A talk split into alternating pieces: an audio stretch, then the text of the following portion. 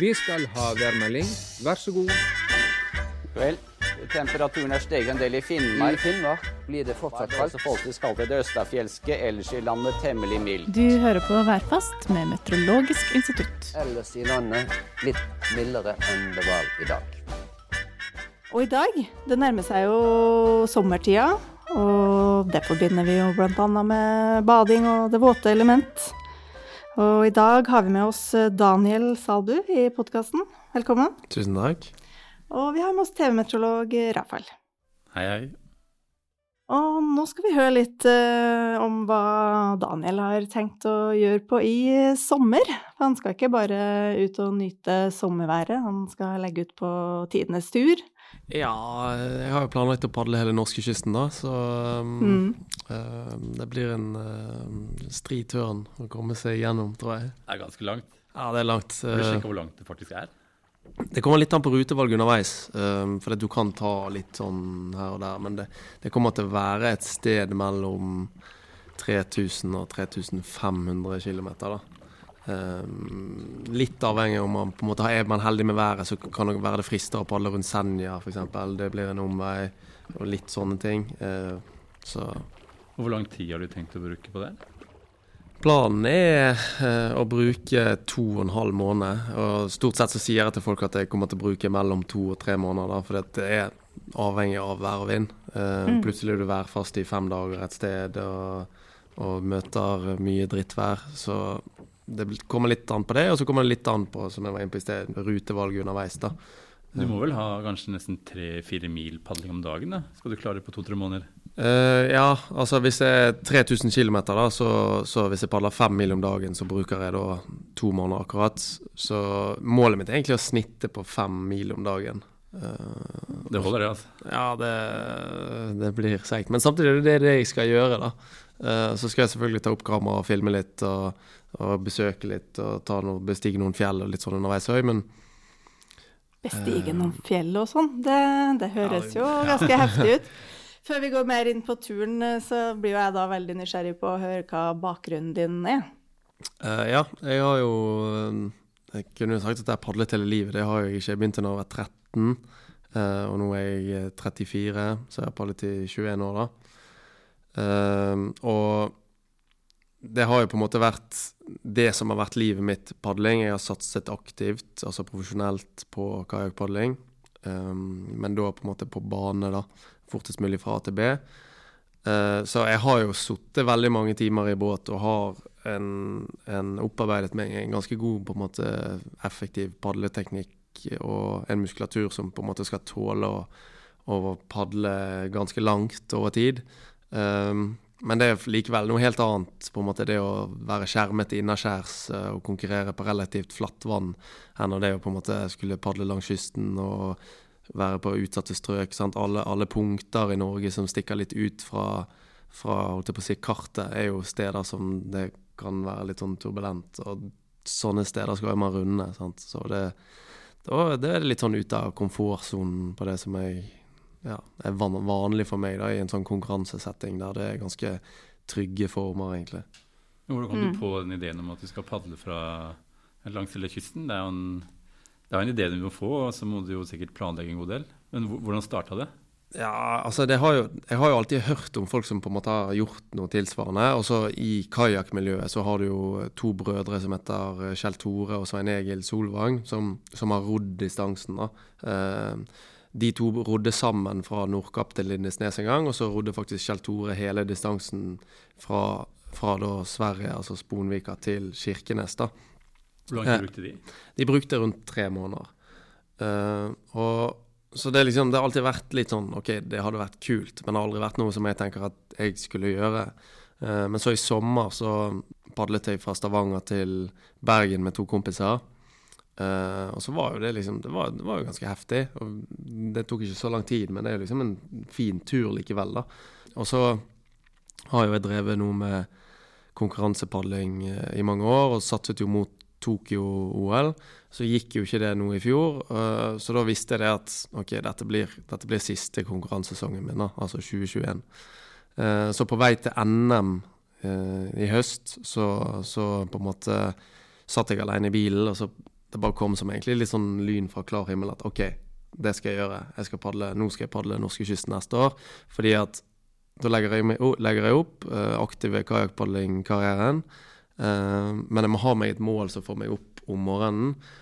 Og så skal jeg skrive masteren min til høsten igjen, så dette passet på en måte litt sånn inn. da. Du, liksom, du har ikke en fast jobb. Uh, og, og må ha et eller annet som på en måte trigger meg til å på en måte gidde å trene og ha noe å se fram Mm. til, og sånn da, før jeg på en måte begynner å komme ut i skikkelig betalt arbeid. Ja.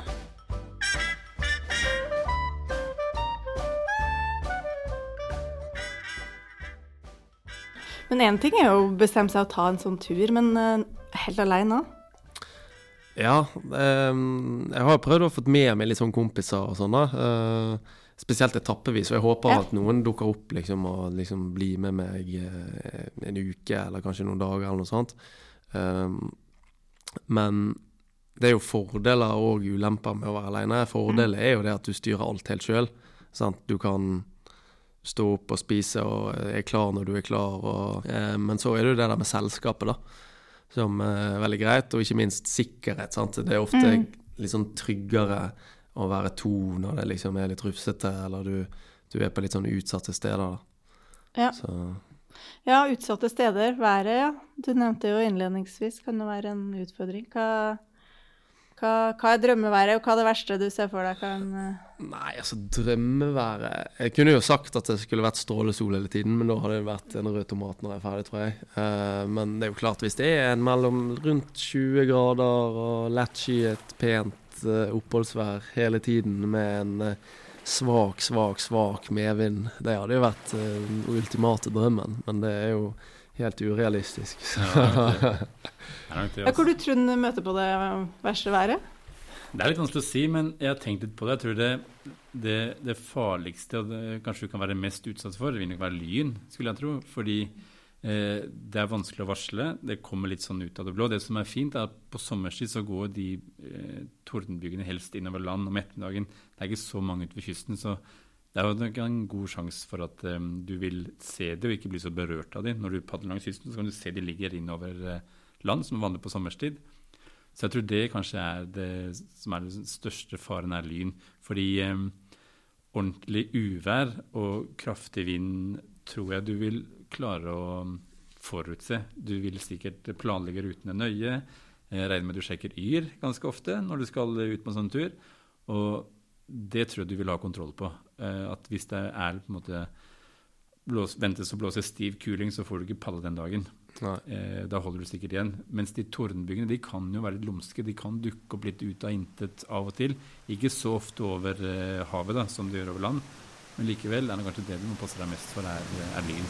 Og du sitter jo i en båt med en karbonår i handa. Jeg tenker at da er man jo Da er man et punkt hvor man kan fort få et lyneslag. Ja. Um, det er jo noe vi er obs på i sånn type konkurransesammenheng. Sant? Eh, kanskje padlere er litt mindre opptatt av det enn eh, enn, eh, roere spesielt. Når vi, er, vi er jo ofte av og til ute på Årungen, sant? det nasjonale ro- og padleanlegget. Uh, og da er det roere og padlere. Og med en gang det på en måte blinker litt på himmelen, så stikker jo alle roerne ut av vannet med en gang. Eh, Padlerne blir ofte litt igjen og padler litt mer. For vi kan padle litt nærmere land, sant? så vi kan på en måte holde oss lett til det. Og så hadde vi jo Knut Holman en gang som sa at 'the lightning never bites', så det var liksom bare å fortsette økten likevel, da. Eh, men det er jo klart, det er jo noen som har opplevd eh, å bli tatt av lyn. Jeg vet at Husker jeg var på en høydesamling i 2011 oppe i uh, Valsenales. Det var med padling da, på det var på sommeren. Ja. Uh, og samtidig der med oss så var det en italiener som heter Josefa Idem. Hun har flere OL-gull og VM-gull og er veldig merittert. Uh, men når det regnet, så padlet hun aldri. Da padlet hun på maskin eller tok fri eller løp innendørs eller noe sånt. Og grunnen til det var jo fordi at hun hadde vært på en, eh, på en sjø eh, i sine yngre dager, og så var det kom til lyn, og så var det en roer da som ble tatt av lyn og døde på, på Men var det på en innsjå? Det var nok på en innsjø. Ja, ikke sant? For det, det, er, det er nok litt større sjanse over land. altså om Mm. ettermiddagen. Så du som padler langs kysten, er nok eh, mindre utsatt enn hva du er på disse innsjøene innover land. Så, men likevel, jeg tror fortsatt at lyn kanskje er det du skal passe deg mest for. Fordi ja, værvarslene på Yr de leverer jo stort sett uh, bra, de. Ja. Så jeg tror du har uh, Det er der sikkerhetsfokuset bør uh, være. Ja. Nei, det er jo altså Vær og vind jo sånn er jo man har vært sånn et manisk opptatt av når man driver med utendørsidrett, og spesielt sånn padling, da. Altså regn og sol, det er greit, det blir mer en gøyere opplevelse når det er sol enn når det regner. Men alt i alt, når du begynner å sette i gang, så gjør det egentlig ikke så mye om det regner eller er sol. Eh, det som jeg er mest opptatt av, og stort sett de fleste padlere er opptatt av, det er jo nettopp denne vinden, da. Sant? Det er liksom det er vinden som har vært eh, det man sjekker stort sett Yr for, da. Um, også, Hvor ofte sjekker du, da? Er det sånn at du eh, hver dag, hver time Ja, ja, ja, ja. Altså, før hver økt så sjekker man sant, sant, morgen, på kvelden, midt på dagen. Man sjekker Yr hele tiden, fordi at det er noe man er veldig opptatt av. For du vet at det har betydning for den økten som kommer. Sant? Altså, Er det meldt én sekundmeter, eh, strålende sol og 25 grader, så vet du at OK, dette her blir Det en bra god dag. Dette Ja, blir en god dag. Mens er det liksom meldt eh, eh, åtte sekundmeter opp til 15 i kastene, overskyet og syv grader, så vet du at OK, nå blir det sur.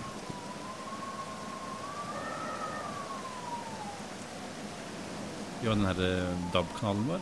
Der leser Ja. du inn kystvarselet eh, opptil flere ganger om dagen. Tror jeg det kommer et oppdatert eh, varsel der. Så der eh, følg med på det. Det er sikkert lurt. Altså at ikke du setter ut. For jeg tror eh, blåser det mer enn frisk bris, så er det ganske røft å være ute i kajakk.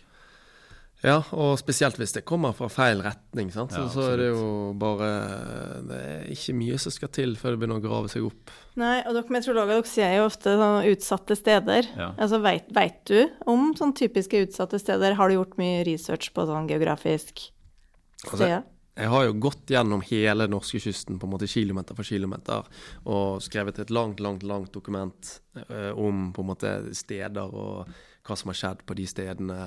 Eh, og så alt i forhold til liksom bare noen sånn type turistattraksjoner, eller om det er en ubåt som er senket her og der, eller et skip som har gått på grunn, osv. Og, så videre. og så når man gjør det og går igjennom, så, så når man googler steder og sånn, så finner man selvfølgelig ut Altså Stad har jo alle hørt om i alle tider. sant? Eh, og så ser du det at OK, her er det en greie som stikker ut i sjøen. Det er jo Stadlandet der, sant. Der blir det røft. Eh, og så har du sant, Hustadvika. Ja, det er røft, men der har jeg mulig på en måte å gjemme meg litt innaskjærs noen steder. Uh, og så har du ja, Lindesnes. Alle, det, Jeg ser jo det er Er det ikke sånn bok, den Norske Los, er det den heter? Ja. Hvor det står mye om de forskjellige eh, strekningene? Ja, de har en eh, fem-seks bind, da, Den norske los, der de på en måte har sine strekk hver, hvert bind. Og det, det som er fint med den boken der, er det at Eller heftet, det ligger jo tilgjengelig på nett, Den norske los. Eh, så har jo de på en måte et eh, vinddiagram med sånn Baufort-skala Ja. eh, og på en måte en eh, en statistikk over vindstyrker og retninger gjennom hele året. Og det er jo veldig fint for meg å se da at ok, jeg ser faktisk det at sånn som når jeg kom opp til Finnmarkskysten i slutten av juli-august, så er det jo på en måte Vindstyrken er lavere, det er mindre av de der ekstreme toppene i forhold til det i februar f.eks. Eh, så den norske los er veldig fin, og den hjelper jo òg veldig med å vise, henvise til på en måte strøm i kanaler og litt sånne ting. da. Du har Eh. tidevannet også som går opp og ned, og det Ja. lager mye Det står sikkert noe om det òg, om når du skal padle og, og hvor strømmene går i forskjellige Ja, så er det jo litt Noen er jo Det er jo ofte at de Stort sett er jo det sånn at når det begynner å flø, så går han nordover, og så fjerder det, så går han sørover. Og så er det jo i de trange kanalene, så må du gjerne time det litt, fordi at eh, strømmen blir så sterk på, på, med tidevannet. Altså Saltstrømmen, f.eks. Ja. Det er jo noe som vi ikke er så vant med her sørpå. Eh, så det er jo noe som jeg må lære meg litt underveis.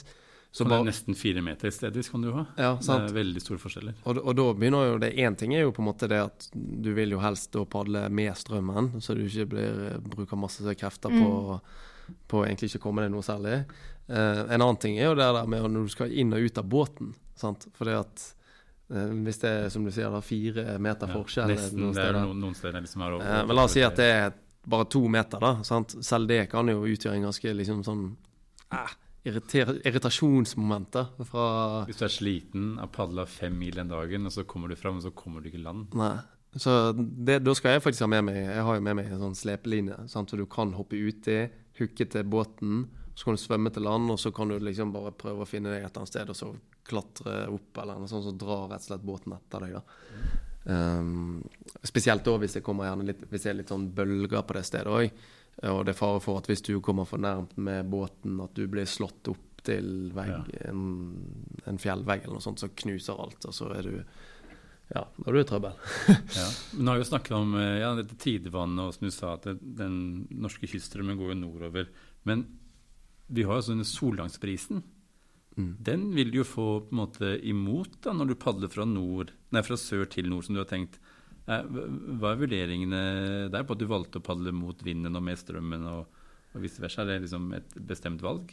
Um, det er litt, det er litt sånn flere grunner til at jeg valgte å padle fra sør til nord, og ikke motsatt. Um, det ene er faktisk det, den logistikken. da, At uh, når jeg bor i Sandvika, altså i Bærum, så er det veldig mye lettere for meg å bare tilfeldigvis bare starte når f.eks. været er bra, alt, liksom, alt stemmer den dagen. Nå har jeg satt 22. mai som, som dato for avreise, da, men det er jo lett liksom Blåser det sinnssykt mye den dagen, så kan jeg vente en dag, eller kanskje til og med ta en dag før. Um, så alt det blir mye lettere å ordne ting der. Og så har ikke jeg så mye erfaring med å padle i havkajakk, så jeg på en måte eliminerer de barnesykdommene her sørpå, uh, hvor det er på en måte tett med folk og lett å få tak i ting, da, i forhold til oppe i Finnmark, der det på en måte er store avstander og kanskje ikke like lett å få tak i en reservedel til kajakken. Og så har du det at ved å padle på en måte eh, nordover, så har jeg litt mer horisonten lyst opp. da, At jeg har ikke så mye mot, motlys gjerne når jeg padler oppover. Um, og så er det som du sier, da, det kommer til å bli mye motvind. Ja. Eh, men jeg tror jeg skal eliminere det med å padle litt mer på kvelden og på morgenen. Du får denne solgangsprisen. For du, det er jo noe med at havet krever mer energi for å varmes opp enn landet. og Da blir jo landet varmere enn vannet rundt. Og så får du dette tomrommet som må fylles for lufta stiger over land. Og da får du denne solgangsprisen som er da det er nordavind stort sett hele veien. og Så er det sørvest da fra Sørlandet opp mot Oslo. Så du får liksom den midt imot da hele veien. Jeg tenkte at det ville jo kanskje vært greit å ha den i ryggen. Jeg Vet du om flere andre som har padla fra nord til sør nettopp pga. solgangsprisen? Men du har kanskje en plan om å padle tidlig på dagen eller sent på kvelden og sånn? Altså, jeg er jo som på en måte konkurransepadler, da, og ikke havkajakpadler, så er vind Min lite vind er liksom det jeg liker best av alt. Og da er det tidlig på morgenen, eller eventuelt litt senere på kvelden, som er liksom status. da, At det er da vi trives. Veldig mange havpadlere syns jo det er litt mer spennende med litt mer vind. Uh, så det er jo mitt utgangspunkt, er det at jeg liker jo egentlig ikke vind. Så da er, det jo, da er det jo veldig greit å på en måte padle da før den solgangsprisen begynner. da. Ja. Eh, og heller ha, altså Oppe i nord er det midnattssol uansett, så da det bare Da må du ha bind for øynene når du skal sove, så når man sover, det spiller egentlig ingen rolle.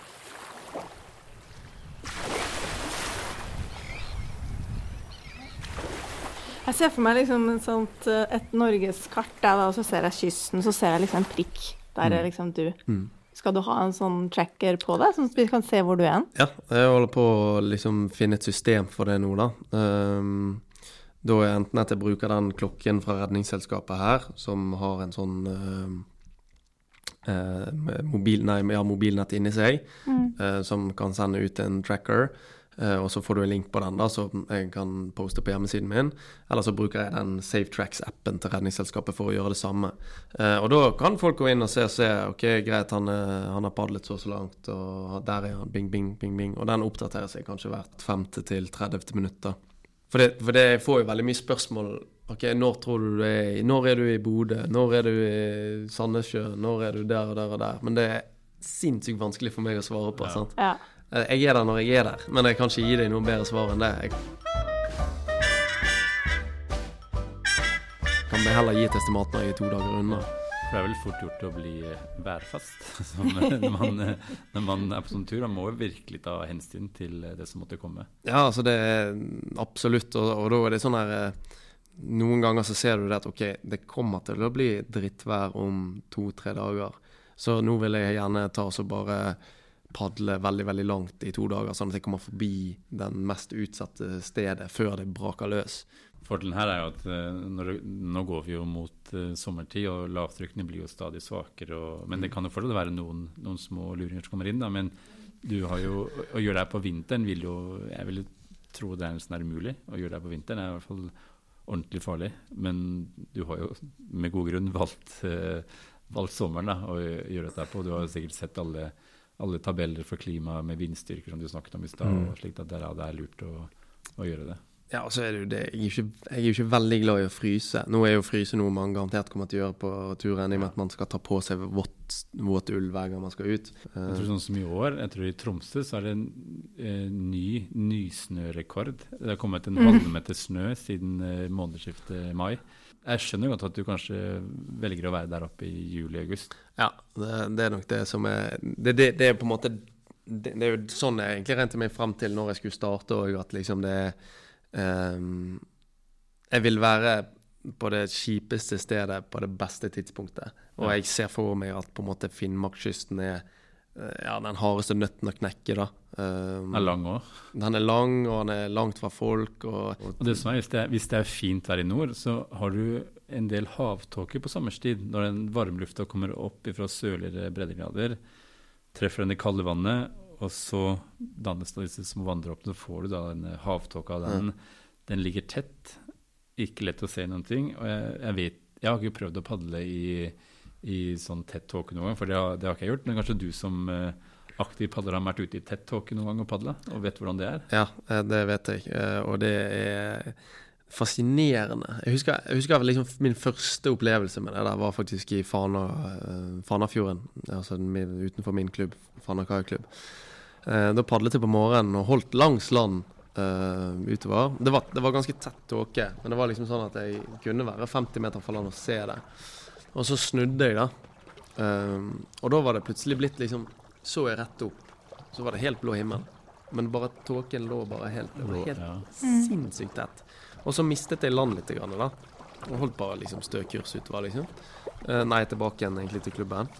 Uh, så syns jeg jeg hadde padlet ganske lenge, da. jeg fant liksom ikke land. Så til slutt møtte jeg land. Da jeg, da var jo jeg på vei langt utover igjen. sant? Jeg hadde bare snudd uten at jeg visste det. Bare i sirkel. Så den tåken, den, den eh, kan spille deg et puss. Men jeg, jeg kommer jo til å ha selvfølgelig kompass. sant? Det Ja. vil jo hjelpe. Så jeg må jo peile. Men det jeg er mest bekymret for med tåke, er jo gjerne hvis du krysser en skipsled, eller Det er jo andre båter på, på, på sjøen òg, så en kollisjon der er jo Ja. kanskje det verste som kan skje, da. Med en bitte, bitte lite farkost som møter eh, La oss si Hurtigruten, da. Sant? Det, du, da er ikke oddsen på din side. På Yr så har vi en lenke til en side som heter Barentswatch. På blant annet så er det denne AIS-systemet som viser hvor båter er. Det ligger jo på den, eh, på den siden. Og det er sikkert lurt for deg og andre som er på tur, å, se hvor disse her eh, båtene går. Og vet, er du registrert der, kanskje? Eller? Er du, På AIS? Ja. Nei, men da må du vel ha en VHF-sender med noe sånn AIS-opplegg, tror jeg. Men jeg, jeg skal ta den VHF-lappen nå før jeg reiser, og få skaffet meg en sånn håndholdt enkel en, så jeg i hvert fall kan kalle opp på kanal 16 før jeg eventuelt krysser en led. da, At eh, OK, nå kommer det en liten uh, galning her som krysser. Og spesielt i sånn tåke, Ja. da. Men nå har jo jeg snakket mye med, med Redningsselskapet, da. Og de mener jo at uh, den verste, det verste stedet, det er, det er fram til og med kanskje Lindesnes. Kanskje Bergen, for der er det så mye fritidsbåter. Sant? Langs hele Kragerø-kysten. Kjører villmann. De har gjerne ikke like den erfaring som kanskje yrkesfiskere eller yrkessjåfører på sjøen har. da. Um, så det er liksom Det er mobil i hånden og selfie og Det er der man bør passe på seg litt, da. Men nå er jeg relativt tidlig ute der. Det er liksom før fellesferien, så Ja. Jeg ser for meg at folk vet at du er på tur. Eh, nå skal du jo være med i Norge Rundt òg, så det kan hende at mange blir obs på det. Så kan det hende at noen kommer og skal ta selfie med deg òg. Ja, det har det i Der du er på, der du er på vei. Ja, det hadde vært hyggelig, det. Jeg har jo lyst til å skape litt blest rundt hele turen òg, da. sant? Ja. For det første så, så eh, padler jeg til inntekt for Redningsselskapet. Jeg prøver, skal, skal i hvert fall prøve å få inn 100 000 der. Eh, Så jeg må prøve å skape litt engasjement rundt det. Og da må jeg bare det at folk vil liksom da ja, komme bort og ta noen bilder, eller eh, spise middag med noen på, som man treffer. Er bare hyggelig, på en måte. Det skaper jo litt, litt engasjement, kanskje. Har du tenkt noe på å plukke plastikk, kanskje? Ja. Underveis på turen nå, så, så eh, er da den fore- foreløpige planen at jeg skal plukke HDPE-plast, som er liksom sånn hard plast, da. eh, som du ofte finner i sånn enkelte boier. Eh, så når jeg finner det på en måte på strender og sånn, så plukker jeg det med meg. Eh, og så på en måte når jeg er ferdig med turen, så har jeg forhåpentligvis plukket ja, ganske mange kilo, da. Uh, Hvor skal du gjøre av den plastikken underveis? da? Nei, det, da er planen å putte den i plastposer. Uh, stroppe det bak på båten. Og så på en måte når man kommer i land et sted, så gir den fra meg til noen lokale eller på et postkontor osv. Og, så videre, og så får det sendt til, til Bergen. Um, og der gjør de det om til granulat, og så kan de på en måte 3D-printe produkter. da. Eh, og så er liksom Hva skal man lage? Eh, og da kunne det vært f.eks. et eller annet produkt som, som kan være en eh, holdt jeg på å si, Daniel Limited Edition eh, padletur langs norskekysten-produkt. Ja. Eh, så er det snakk om et sånt kunstprosjekt ute på Fornebu som kanskje kunne brukt sånn plast fra den turen der. Eh, vi har vært inne på tanken om faktisk å støpe en kajakk. Så det er liksom litt muligheter med dette. da, For det er et materiale som er Ja, du kan anvende det til veldig mye. Og så er det gjenbrukbart.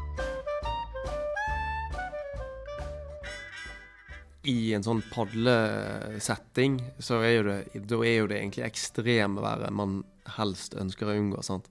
Altså pikene med liksom det styrtregn og intense vind som bare kommer susende brått og uten forvarsel og bare skremmer deg.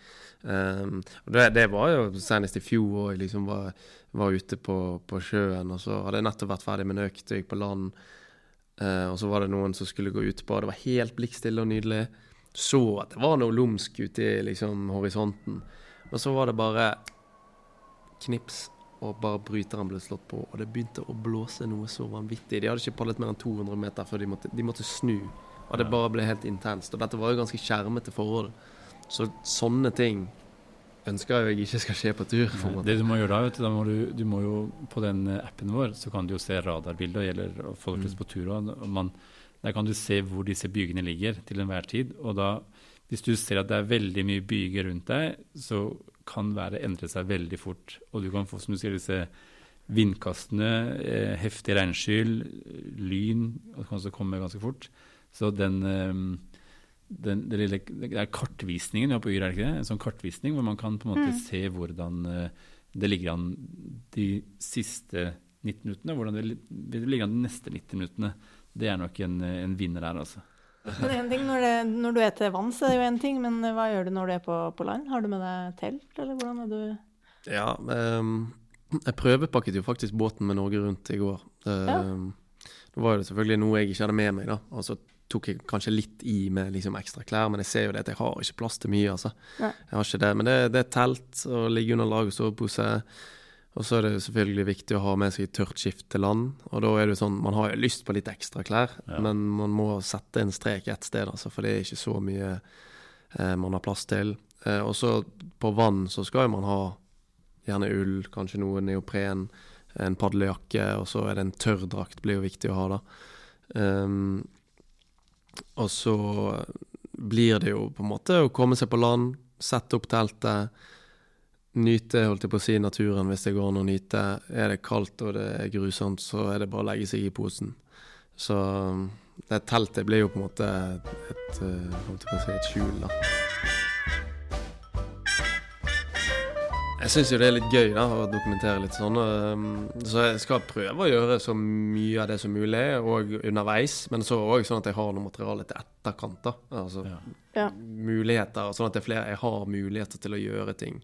Eh, både altså foredrag eller dokumentar eller bok eller hva som helst. At man, hvis jeg er flink og på en måte dokumenterer fine stunder og på en måte ja, skrive ned ting underveis, sånn at jeg har det til ettertid, så, så er det jo sikkert ganske mange som kan få glede av det, tenker jeg da. For det, det er ikke så mange som på en måte padler hele norskekysten, men eh, det er på en måte målet å på en måte i etterkant av turen kunne sitte igjen med såpass mye materiale at eh, folk som lurer på hvor det er fint å padle langs kysten, de kan få et veldig fint svar på det. da. Ja. Eh, for det er jo folk som ikke har lyst til å padle hele norskekysten, men bruddstykker, eller bare i det området de bor i, eller så videre og så videre, som kanskje kan være interessant å vite litt mer om. da. Ja, ja, absolutt. Jeg tenker det er veldig fint for, for meg og for sånn som en del av lytterne òg sikkert, som aldri kommer til å legge ut på noen sånn, eh, sånn type tur.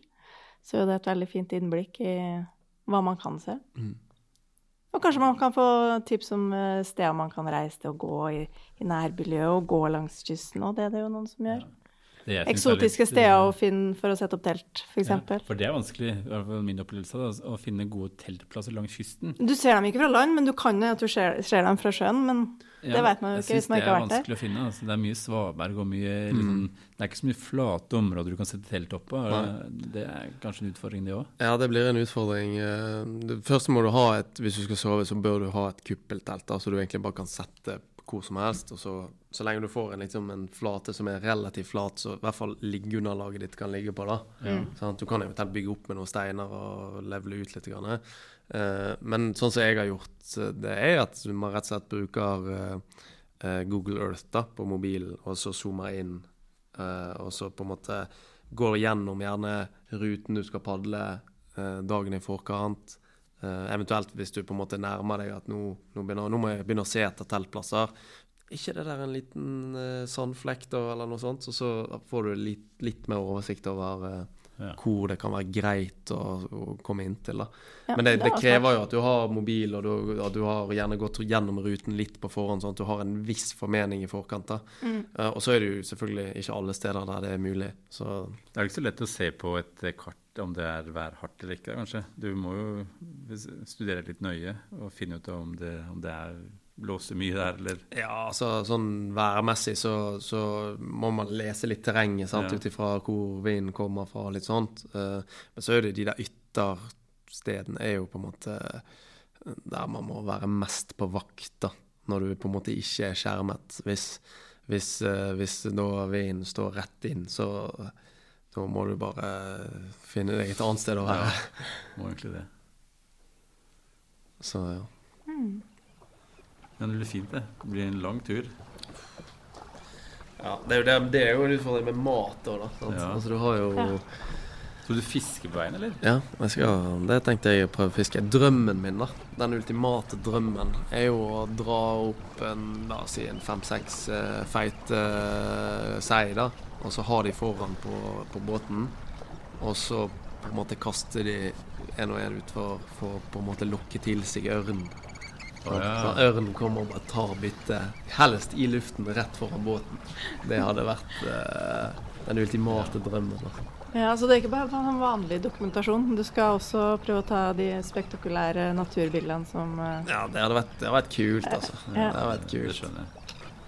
Men har du tenkt noe på Opplevelser bare. Ja, Spekkhoggere, sel Ja. ja, er, det, er det et problem, eller? Nei, jeg tror eh, Altså, det er jo kanskje et problem for mitt eget hode hvis det kommer plutselig en eh, tre meter stor finne opp ved siden av deg. da begynner hjertet å banke litt, og litt panikk. Men, men altså, det, de skal jo være snille som lam mot meg. Mm, Jeg hørte jo nå om eh, eh, at det er flere som har opplevd at spekkhoggere har bitt i roret på båtene sine i Atlanterhavet. Eh, og ødelagt utstyr også når de har vært der. Fordi, og, og de vet ikke helt hvorfor, da. Men det, det har skjedd nå i det siste. Jeg vet ikke det skal jo ikke du fortelle meg nå. Nei, sant? men det var jo ikke, det var ikke her, da. Det var lenger sørover. Nei. Og en teori var jo kanskje at de at fiskerne og spekkhoggerne slåss om den eh, samme maten, og at noen av fiskene ikke har vært snille mot disse spekkhoggerne. Og de holdt på. Og spekkhoggerne er jo smarte dyr, så de husker å bare nag. Så når de ser mennesker, så blir de sinte og går til angrep på båten. Eller all plasten, kanskje.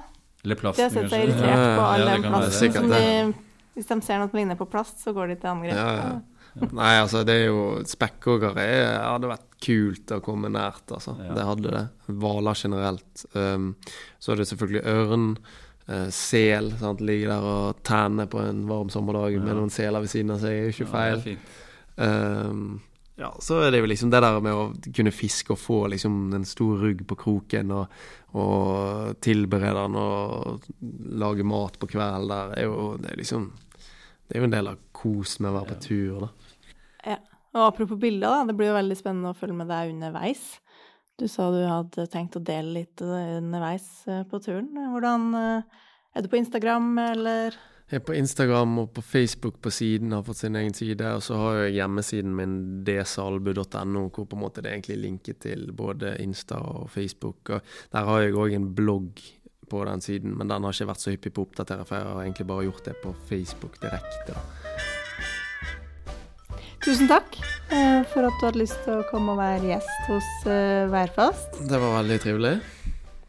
Og tusen takk til deg og Rafael, som uh, Takk som fikk være med. syns det er gøy å være med. Og som kom med ideen til den podkastepisoden her. Veldig bra. Takk. Og jeg heter May-Linn Finstad Svehagen og har produsert podkasten.